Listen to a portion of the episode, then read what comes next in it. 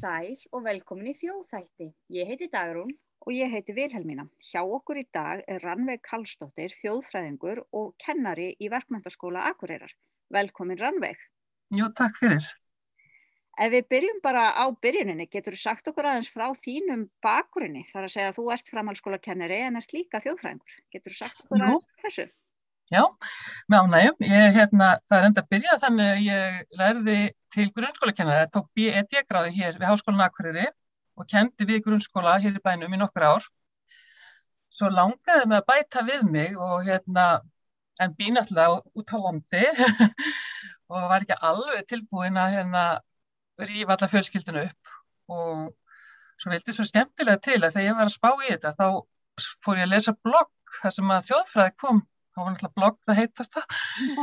Þar sem þjóðfræði kom oft til tal svo voru þjóðfræðingar að blogga og ég fyrir eitthvað að skoða og sé að það er búið upp á fjarnám. Og ég skráði mig fyrst í grunnnám og hérna bara með vinnu og var einmitt að kenna og þýða ástarsjór líka í leðinum Já, og hérna og svo bara er þetta svo skemmtilegt, ég hef næst ég búin að taka bjögráðu bara óvart af því að ég, ég fann alltaf nýjan í námskeið sem ég langaði í en allt í einu kveikt ég að peruna, ég væri nú kannski þyrst ekki alveg að klára aðra grunngráðu þannig að ég sótt um mestranám í þjóðfræði og fekk inni og sá ekki eftir því það held bara áfram að vera skemmtilegt þetta er rosalega skemmtilegt nám þannig að já, kláraði já, minni 2014 Já. það skrifaði, já skrifaðist með mestaragráðina Já. Og hvað var svona það sem þér þótti skemmtilegast í náminu, það sem kveikti áhugaðin mest? Uh, það er þessi hérna, tenging við nútíman að hérna, skilja bara hvað er að gerast, að lesa í bara allt þetta sem að fólk er að gera og, og hérna, já, að reyna að skilja bara hvað er í gangi. Og ég finnst þetta svo ótrúlega heillandi, ég hef alltaf verið spennt fyrir félagsfræðum alls konar, en hérna, og þarna var maður alltaf komið með tæki og tól til að lesa og greina og skilja og mér fannst það bara mjög skemmtilegt. Já. Og þú einmitt hérna notaði það í meistararitgerni að skilja sam, samtíman í rauninni því þú varst að velta fyrir hruninu Mm -hmm. og svona þessum áhuga á prjónaskap sem hérna kviknaði í hruninu hjá fjölda fólks. Jú, vissulega, vissulega.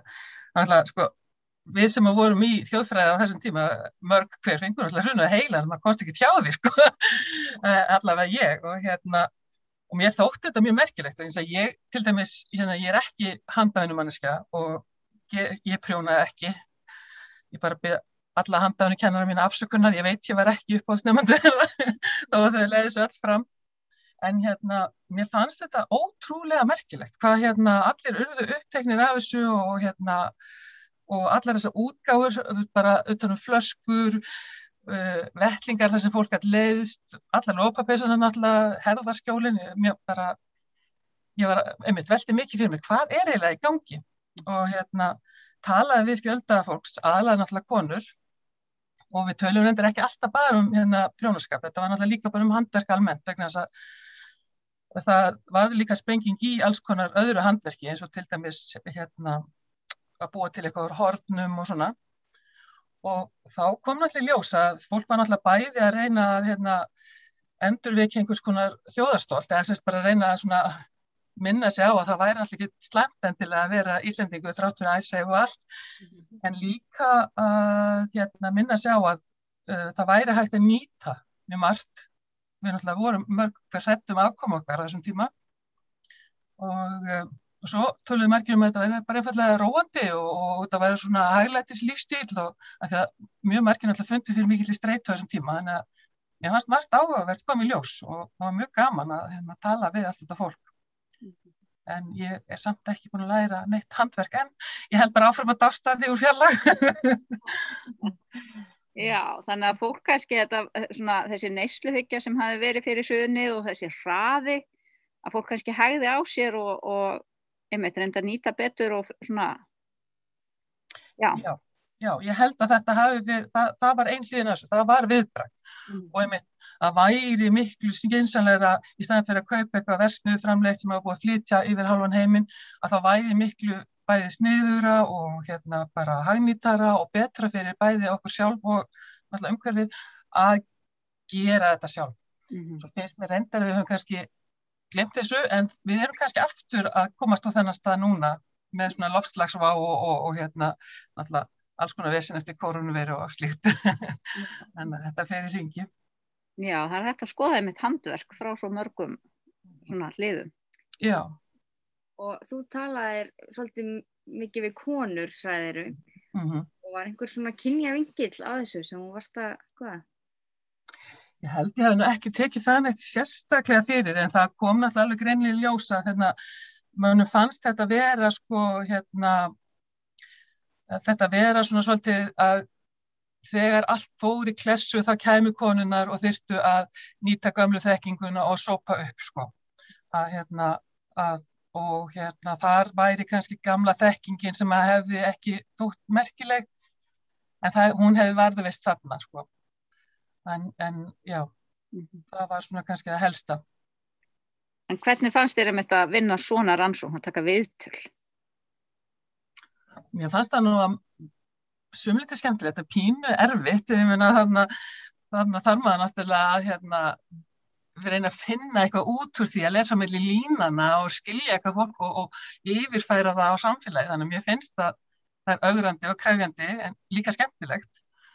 Ég veit ekki hvað ég hafa búin að, einmitt, ég eigða miklum pappir hérna þegar ég var að reyna að búa til einhvers konar hérna, skrifa einhvers konar greiningar og sem að mér fundist svo ekki gangu upp og ég veit ekki hvað og en, en, en þetta var samt já, mjög skemmtilegt og fráðlegt hérna, já En hvernig finnst þér hérna, þjóðfræðimentunin hafa svo nýstir í kjænslustörunum? Hefur eitthvað náða samtvinna þetta að nota saman?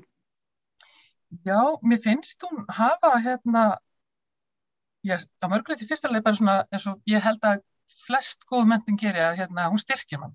Maður verður bara örgari með sig. Því að maður veit meira og svona og þannig líka búið að, hérna, að því við förum yfir svo vitt svið í þjóðfræði þá, og, og snertum á svo mörgu þá og maður einhvern veginn komið með sko, allavega nasasjón af svo mörgu. Þannig að maður fer einhvern veginn svona örugari, til dæmis eins og fyrir mér sem kennara, það fyrir örugari inn í kænslustundir og svona gett mætt fleiru.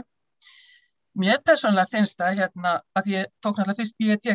hér í Háskólan Akureyri, mér finnst að þjóðfræði, svona einhvers konar grunnámskeið og síðan þjóðfræði barna ætti að vera inn í kennaranámi. Mm. Vegna þess að þegar maður fer í hérna, þjóðfræði barna og ég man að ég og Kristín Einarstóttir sem er líka grunnskólakennar og kendi lengi við þjóðfræðadeltina, við töluðum um þetta að þetta, þegar maður fór að læra þjóðfræði barna þá allt í nú horfið maður á svo margt í kennslunni með svo allt, allt öðrum augum. Þannig ég tel að þjóðfræðinam væri alveg sko gríðarlega mikilvægt fyrir hérna kennara, bara svona stinga þessu að rektorum landsins og yfirmönnum menta sig þessu svona. Já, en, hérna, að, já það, þetta er þarna horf þegar maður einhvern veginn inn í já, hver er vefileiki barna, hver, hvernig er þeirra samfélag, hver eru óskráðu regluna hjá þeim og þá, veist, maður fyrir kannski, ég man að ég gerði einhverja rítgerð, svona námsveikjar bara það sem ég fór í fríminótur og fylgist með og held ég náttúrulega að vera komin inn í miðja borgarstyrjalt, þú veist, það fyrir mig bara yfirmann þegar maður fyrir á hérna, skólarsvæði í fríminótum, en svo þegar maður að sjá hvað er að gerast og greina það og skilja og svona, og þetta væri alveg ótrúlega dýrmætt og er dýrmætt fyrir alla kennara. Þannig að það var það fyrsta, en svo líka bara þegar ég er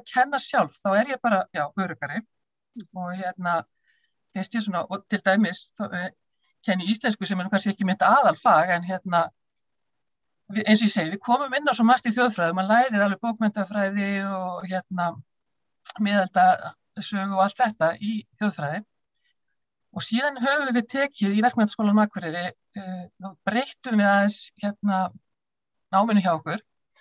Þannig að hérna við erum með svona skildukursa sem að allir nefnendur fari gegnum á öðru þreppi og síðan hérna þann, þá fyrir við í þetta hefðbunna bara, þú veist, og skemmtilega málfræðasetningafræði allt þetta og síðan bókmyndasögu og svona, og, en síðan getum við valið á þriðaþreppi og þá settum við þjóðfræði inn sem val, bara undir íslensku. Mm -hmm. og þá reynir ég náttúrulega að velja sko, náttúrulega efni sem eitthvað er tilum á íslensku og snertir kannski íslenskan veruleika. En hérna það hefur verið bara mjög skemmtilegt að hérna að kenna þjóðfræði og stundum komaðu alveg sko og þau segja það stundum já, ég valdi þetta nú, ég veit samt ekkert hvað ég er að gera hérna en hérna, að að það er svo margir sem veit ekkert hvað þjóðfræði er eða hafa einhverja rámkomendur um það.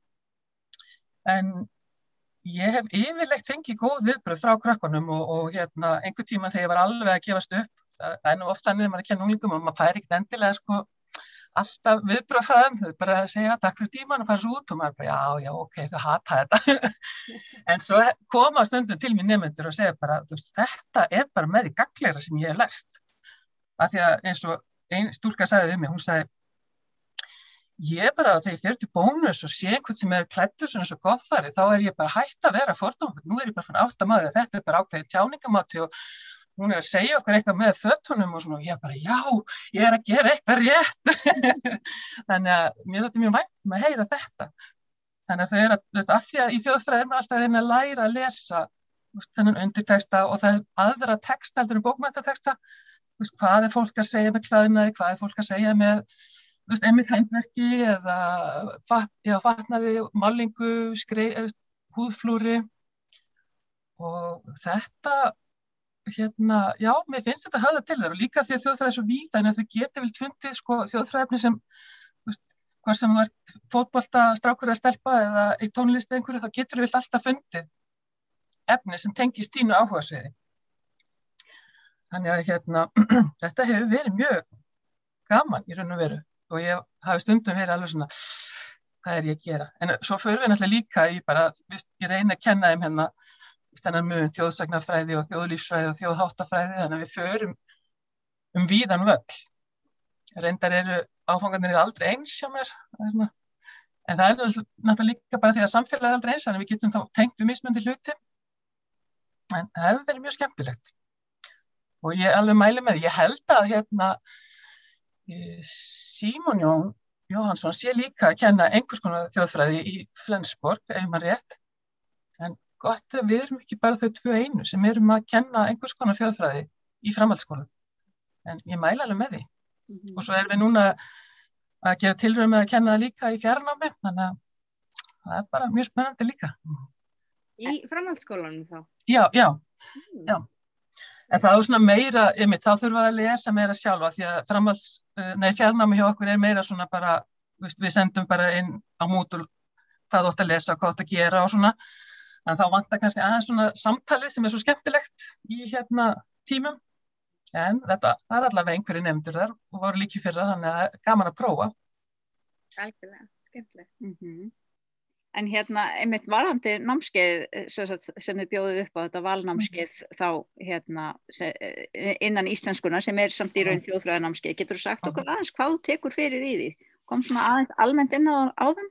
Já, ég er sagt, ég hef alltaf til grundvallar hérna efni sem Þórun Kjartansdóttir bjóð til sem var svona í raun og veru hérna held ég, eh, alltaf ekki verið mistarverkefni hennar að gera svona kjænslu eftir þjóðfræði hvað.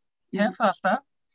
Og síðan hérna, skipti ég önnin yfirleitt eftir sko, þjóðsagnarfræði, þjóðlífsfræði og þjóðattafræði og reyni að fara dýpra í það bæti í hérna, alls konar lesefni sem ég finna á íslensku. Og hérna og síðan förum við bara í, reynum að fara það þannig að það gerir þá við gætu fengið verkefni sem við að gera fyrirlestur um eitthvað í samvættu við þjóðsagnarfræði eða málverk og útskýra hvernig það tengist einhverju sem við erum að vinna með. Eh, gera kannski rítgerðir um hefðir eins og busavíkslur eða, eða hérna, eitthvað í sambandi við eh, bóludag eða allt þetta, öskudag og svona og við ræðum oft mikið þau eru mjög oft upptíkin að rekja vöku og einhver svona hvaðum og ég er að reyna að fá þau til þess að skoða ekki þau þurfum alltaf líka að skoða bakgrunin og sögulega en líka sko hvaða merkingu þetta hefur. Og ég reyna að kenna þeim að taka viðtöl eða byrja svona á grunninn og kenna þeim svona þessar rannsóknir aðferðir og hvað þarf maður að hafa í huga þegar maður tekur viðtölu og hvernig skrifa maður upp, þau þurfa að gera það. Að, en við erum, já, ég er alltaf með hérna hefti hérna svona þórunar sem er svona grunn og svo bara bæti ég við svona greinum sem ég finna á íslensku og bara hvet þjóðfrænga til að vera duglegar að skrifa greinar svo við getum notað því að þetta er kent í íslensku við þurfum að hafa íslenska greinar. Þannig að bara endilega. Já, ég vona einhverju ekki til sín. Já. En hérna, og, og þú gefur þá líka svigurúmið það ekki, þannig að krakkarnir geta aðlagað eitthvað, eitthvað áhuga svið sitt af verkefnavinnunni sem fer fram. Jú, mér finnst það eða svolítið mikilvægt. Ég kannski, veist, það er kannski einhvers svona yfir þeim eins og hefð, einhvers konar hefð, en síðan megað þú oft að velja innan síns, síns áhugasviðs. Og ég hef fengið mjög skemmtilega, skemmtilega kynningar á hjátrú þekktustu fótballtamanna heims og, og hérna, mjög skemmtilega rítgerðir um alls konar brúðköpsiði og ég veit ekki hvað hvað þannig að það er bara og, hérna, um fermingar og já, bara alls konar. Þannig að það hefur verið mjög skemmtilegt. Og ég hef líka fengið ofsalega fallið málverk sem að var unni út frá þjóðsögnum um seli. Þannig að það, þau koma, þú veist, að gera alls konar og það er mjög skemmtilegt. Já, frábært, fá tækjafærlega að vera svona skapandi.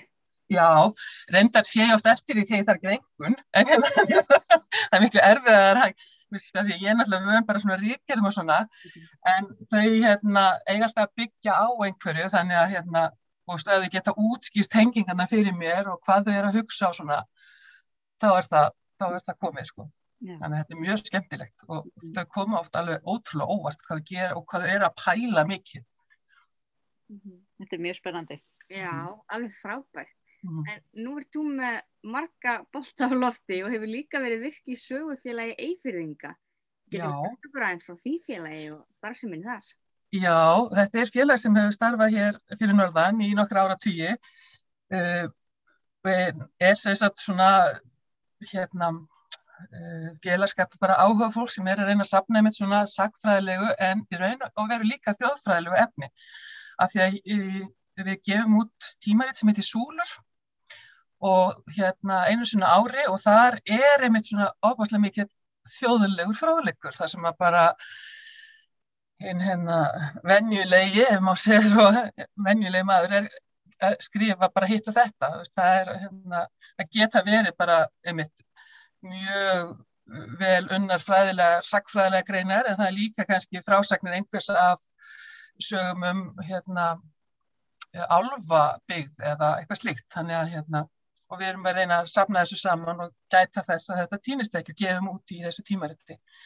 Nú, ég var og er ennþá í stjórn, ég var ritt þar í nokkur ár en hérna gæt komið yfir á annan núna síðast að fundi. En hérna já, við erum hérna á fullu einmitt ég að gefa út þetta tímaritt en við erum líka að reyna svona, uh, við höldum yfirleitt alltaf einhverja fyrir, að fáum einhverja fyrirlestra sem fjalla um svæði þegar við erum með aðalfundi. Og síðan erum við að velta fyrir okkur alls konar samstarfi til dæmis eins og hvort það sé hægt að færi samstarfi bæinum að merkja sögustadi, e, búa til einhvers konar, e, já, bara svona, já, annarkvæmt appi eitthvað sem geti hérna hjálpa ferðarfólki hérna á svæðinu og við fáum hérna, fólk kemur til okkar með alls konar eins erindi, til dæmis einhver, kannski eitthvað sem einhver hefur sapnað kannski ofsalega miklar upplýsingar um kannski mitt alvasteina eitthvað svona hvort við getum gert eitthvað með það þannig að við erum svona mikið að velta fyrir okkur hvernig við getum ekki bara gefið út greinar sem er mjög skemmtilegt en heldur líka svona gert eh, lagt okkar að mörgum til þess að Akureyri og eigafjörðarsvæðið og sem að hérna, verður svona skemmtilegt þeim að sækja og þessi fólk er auðvelt með að ná í þessa þekkingu. Það sé ekki bara einhver við hérna örfáa sem búum hérna sem vitum þetta, er að fólk getur bara séð þetta. En þetta er svona, þetta er náttúrulega áhuga mannafélag og við erum allir í vinnu og ég hef veit þeim er annar staðar þannig að þetta er svona gengur, en gengur kannski hægar heldur en við vildum oft. Þannig að þið, hérna, eitthvað langar til að miðla með fjölbreyttari hætti heldur um bara einmitt í, í reytuðum greinum í, í tímareitin ykkur. Já. Hvað, hvað kemur súlur oft út á ári? Koma, það er komið út einu svona ári, alltaf á vorin og ef maður gengur í félagi þá fær maður súlur. En það er líka hægt að kaupa bara eitt og eitt eintak sko, hjá Eymundsson. En hérna, okkur vantar líka fleiri áskrifundur sko, og félagsmenn ef það hengur. það er alltaf þetta, bara alltaf að hérna, fá fleiri. Þetta er Já. og við höfum alltaf gefið út, við gáum út sko, fyrir nokkrum árum, þá var gefið út heilmikið, minni sexbindaritt sem hétt Eifirringar og var bara, þá voru að rekja sögu bara bæjana hérna í Eifirri sko aftur til landnáms. Alveg, ég er enda að koma nú bara því hérna á loka stegum sko, að er bara í stjórn þegar þetta kemur út, en mm -hmm. það var fjöldi manna búin að vinna þessu sko í bara ára tvíi ef ég skildi rétt. Það var alveg algjörð þrekkverki.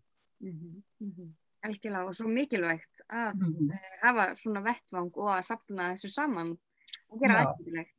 Ymmi, þetta sé einhver staðar, mm. þetta bara týnist ekki fólki þegar fólk veldur frá.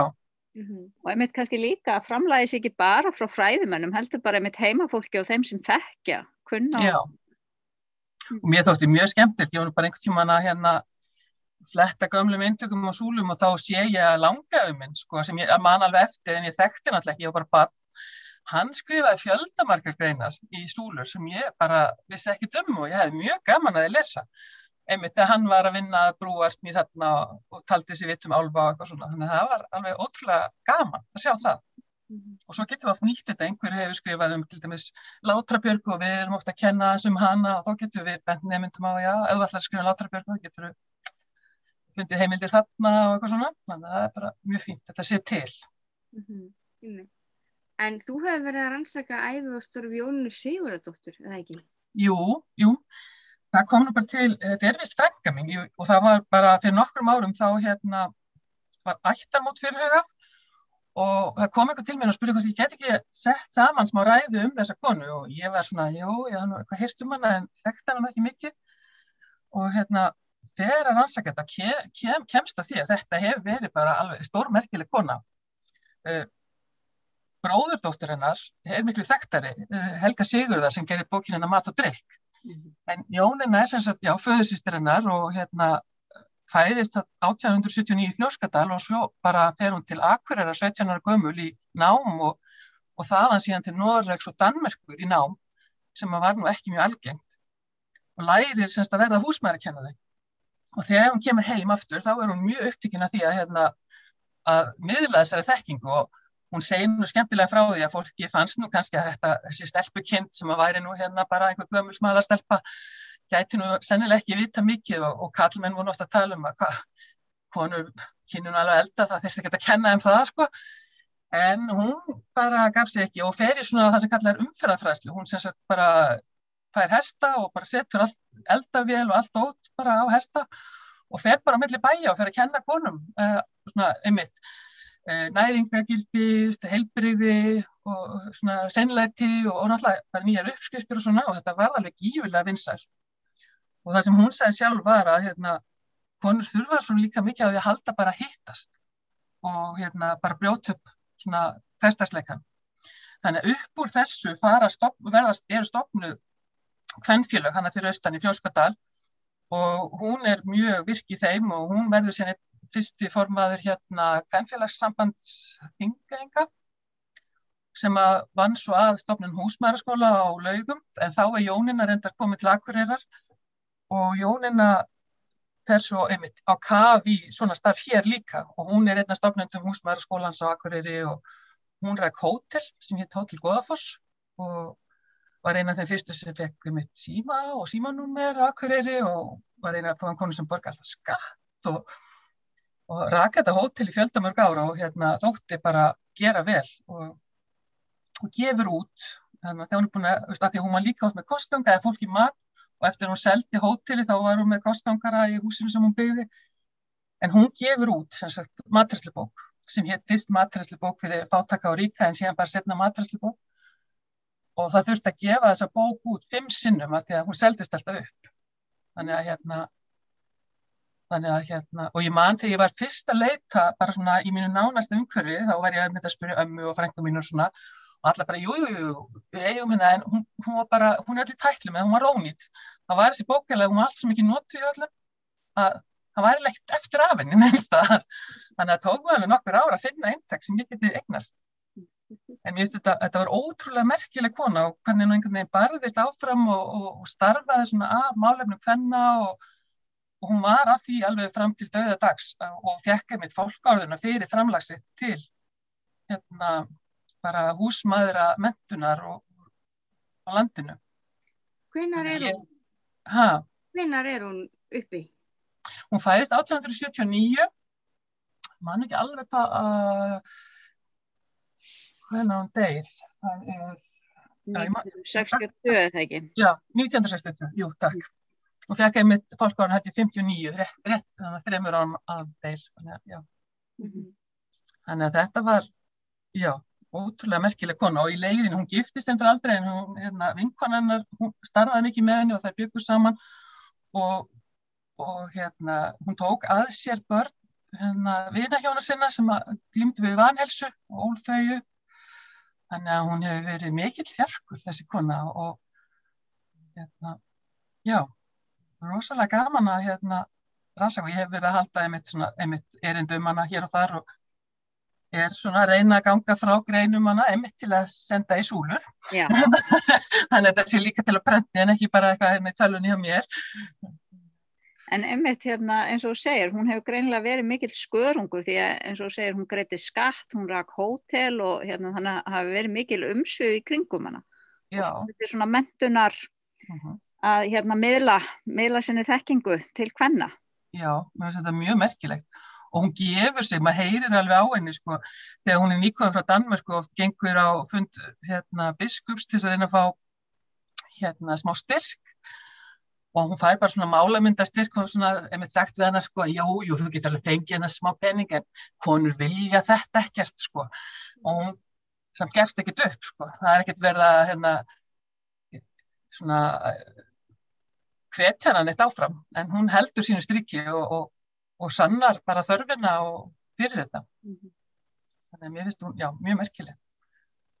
En þegar þú ert að skoða þetta um Hjælt hún dagbók eða voru skrifar greinar um hana eða hvernig finnum maður upplýsingar eða hvernig finnur þú upplýsingar um Já, það er nú það sorglega. Ég hef alltaf ekki enn fundið neina dagbækur eða ekkert frá henni. Ég held ég að fundið eitt bregð sem hún, hún skrifaði til Haldur og Bjarnadóttur eh, mest af þessu er einmitt sko þá greinar frá einhverjum öðrum sem að skrifið um hana Eh, eða eitthvað örlítið svona í fundargerðum eitthvað slíkt, þannig að maður þarf að vera svolítið mikið á hér að skjala söpnum og hérna leita þar.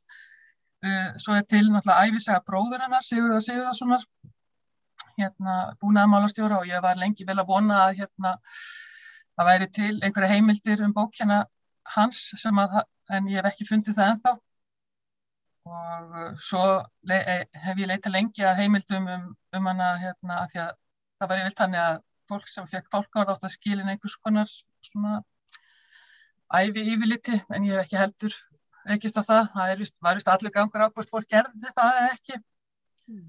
þannig að þetta hafa verið en það eru örfáir hérna líka sem mun eftir henni en ég náð tali af sumum vera og vildi gerna ná tala af fleirum, það eru örfáir enn á lífi sem mun eftir henni á fullanisárum mm -hmm. en þetta hefa mest verið einmitt svona já, heimildir frá þeirrum því miður sko. ég orka, hún hefði, en hún virðist hafa verið mjög sko svona tilbaka, ekki, ekki mikið fyrir að auglýsa sig eða einmitt. Hún er sennilega ekki manneska sem held dagbók fyrir einhver aðra til að lesa. en einmitt hérna matreyslu bókin ennars. Mhm. -huh. Hvernig matreyslu bók er þetta? Er þetta hérna, hvernig á að handla innmat og í slátu tíð og... Já, já, alveg og hérna, en líka alls konar sko nýtt sem hún lærði í hérna í Danmörku og hún fær hérna héragslæknin Stengri Mattiðarsson til þess að skrifa ingang sem er bara mjög flott og, og hún er mjög upptikinn af sagt, næringargildi sem held ég er alveg nýtt á þessum tíma og hún er upptikinn af hvernig það er hægt að gera mikið og litlu, hvað er hægt að gera með ódýran mat mm -hmm. og svo fannst mér mjög skemmtilegt að hún líka í þriði útgáfni þá er hún greiðlega með upptökina íslensku máli þannig að hún er íslenska alls konar rúlupilsar og slagveðja og búðingur og bætingur og alls konar svona það er mjög gaman að lesa yeah. og, og ég veit að fyrir þriði útgáfna að hún var endurútgjöfni í þriðasinn bókjörn þá fór hún bara eigin kostna til Noregs og Danmarku til þess að svona læra meira og revja upp og fá eitthvað þerst inn í bókina. Þannig að þetta er alveg blanda af svona íslensku matræðum en hún er líka reyna að koma með eitthvað nýtt að utan og mm. kenna fólki það og svo bara þetta að nýta betur. Mm -hmm. Og einmitt borða sér ekki, borða ekki á mikið, þetta er bara, veist, að það sé bara, já. Þannig að það er ótrúlega margt þarna sem að er svona, sem ég ímynda mér með að þetta er þarna þeirri hluta 20. það er mjög snemma 20. að hérna, að hafi verið svolítið nýtt, sko öðruvís en það sem áður var. Allan að mjög metnaðafullt að, hérna, fyrir að endur sko alltaf útgáfun og hérna, sækja sér nýtt. Já, já. nýja þekkingu fyrir það til að koma framfæri. Ég segi, bara, mér finnst alveg ótrúlegt hvað hún hefur verið mikil kaffari, hengur neginn En eins og segir, þú þurftir að hafa svolítið fyrir því að leita heimildum um hana. Æfisagan er ekki skráðbríf, hafa ekki varðveist og þess að myndur þú segja að þetta hafi verið kannski svona einhver tínt saga? Því að hérna þetta er kannski ekki, og margir viti hver hún er, þetta er ekki alveg svo alþektasta sögupersona. Nei, mér þetta er eiginlega ekta svona kona, þú veist, jú, ég finn þetta í svona kvennaflöðum, já, sagan hennar er þar, í húsgræjunni, í, í yðunni, í, í blöðunum sem að voru stíluð á konur og, og þá er það helst minnst á hana í svona sögu kvennfélaga og eitthvað slikt, þannig að já, mér finnst svolítið og ég er ofta að hugsa, veist, hún er ekta svona kona sem að maður enna, hérna, upplifir alveg, já, uh, veist, þær gerðu ímislegt og þær gerðu mjög margt merkilegt en samt tínast þær. Mm -hmm. Því að hún gerir alveg ja, margt merkilegt eins og sem við kallam það þessum tíma en einhvern veginn bara er síðan hverki inn ennum bókum um sögu akkuræðar eða eitthvað slikt sko. Mm. Eða svona, jú er aðeins kannski minnst á hana en bara ekki mjög mikið. Þannig að ég vil endilega halda sögunar lofti. Frænka mín einn hefur nú hvert mig til þess að gera, skrifa æfisögunar. Ég er nú ekki alveg sem ég tristi mér í það. Eh, sérstaklega ég finn ekki fleiri heimildir en allavega finnst mér mikilvægt að minna á hana og það er mjög skemmtilegt. Það er sem sagt verið, hún er aðeins að koma inn í umræðan aftur vegna þess að það er búið nefna götu eftir henni hérna Akureyri. Mm -hmm. og hún hétt Jóninna með tveimur ennum, þetta er ekki villa. Og gatan heitir einmitt Jóninn og Hægi ekki? Já, einmitt, og ég, nýflutt, ég vildi sko, ég nýflutti í þetta hverfi og ég vildi köpa mér íbúð þar en það gekk ekki, hérna, mér langaði svo að ég íbúði Jóninn og Hæga En þetta er svona kannski mitt bærin bæjarfélagi aðeins að vekja aðtikli á henni og, og... Já alveg það er svona, það er svona smá vakning eins og líka með Vilhelmínu Lefer og svona að hérna, það, það er vakning hérna og fólk er svona átt að sjá því að það, það gerðu heilmart og, og það komum það er að starfa jónin á kveinfélagskólunar eins og bara stríðstímum þá er það að með þjónustu þar það er fara út á heimili og það er að taka börn sem að, og reyna að koma þeim í sveit til þess að koma þeim í meira öryggi og, og ró og svona þannig að maður sé að, að þetta ósýnilega net hvenna svo mm. rosalega skipt í þegar maður fer að lesa allt sem kvennfélagin á Íslandi hafa gert allt sem þær hafa áorkað, byggt upp alla þessar spítala og svona mhm. það er bara ótrúlegt þrekverki sem þær hafa unni bara í róliheitu meðfram allu hinnu og einhvern veginn og enginn minnist á mm. það stundum pínu svekkjandi fyrir þeirra hönd ef við séum alveg svo er mm.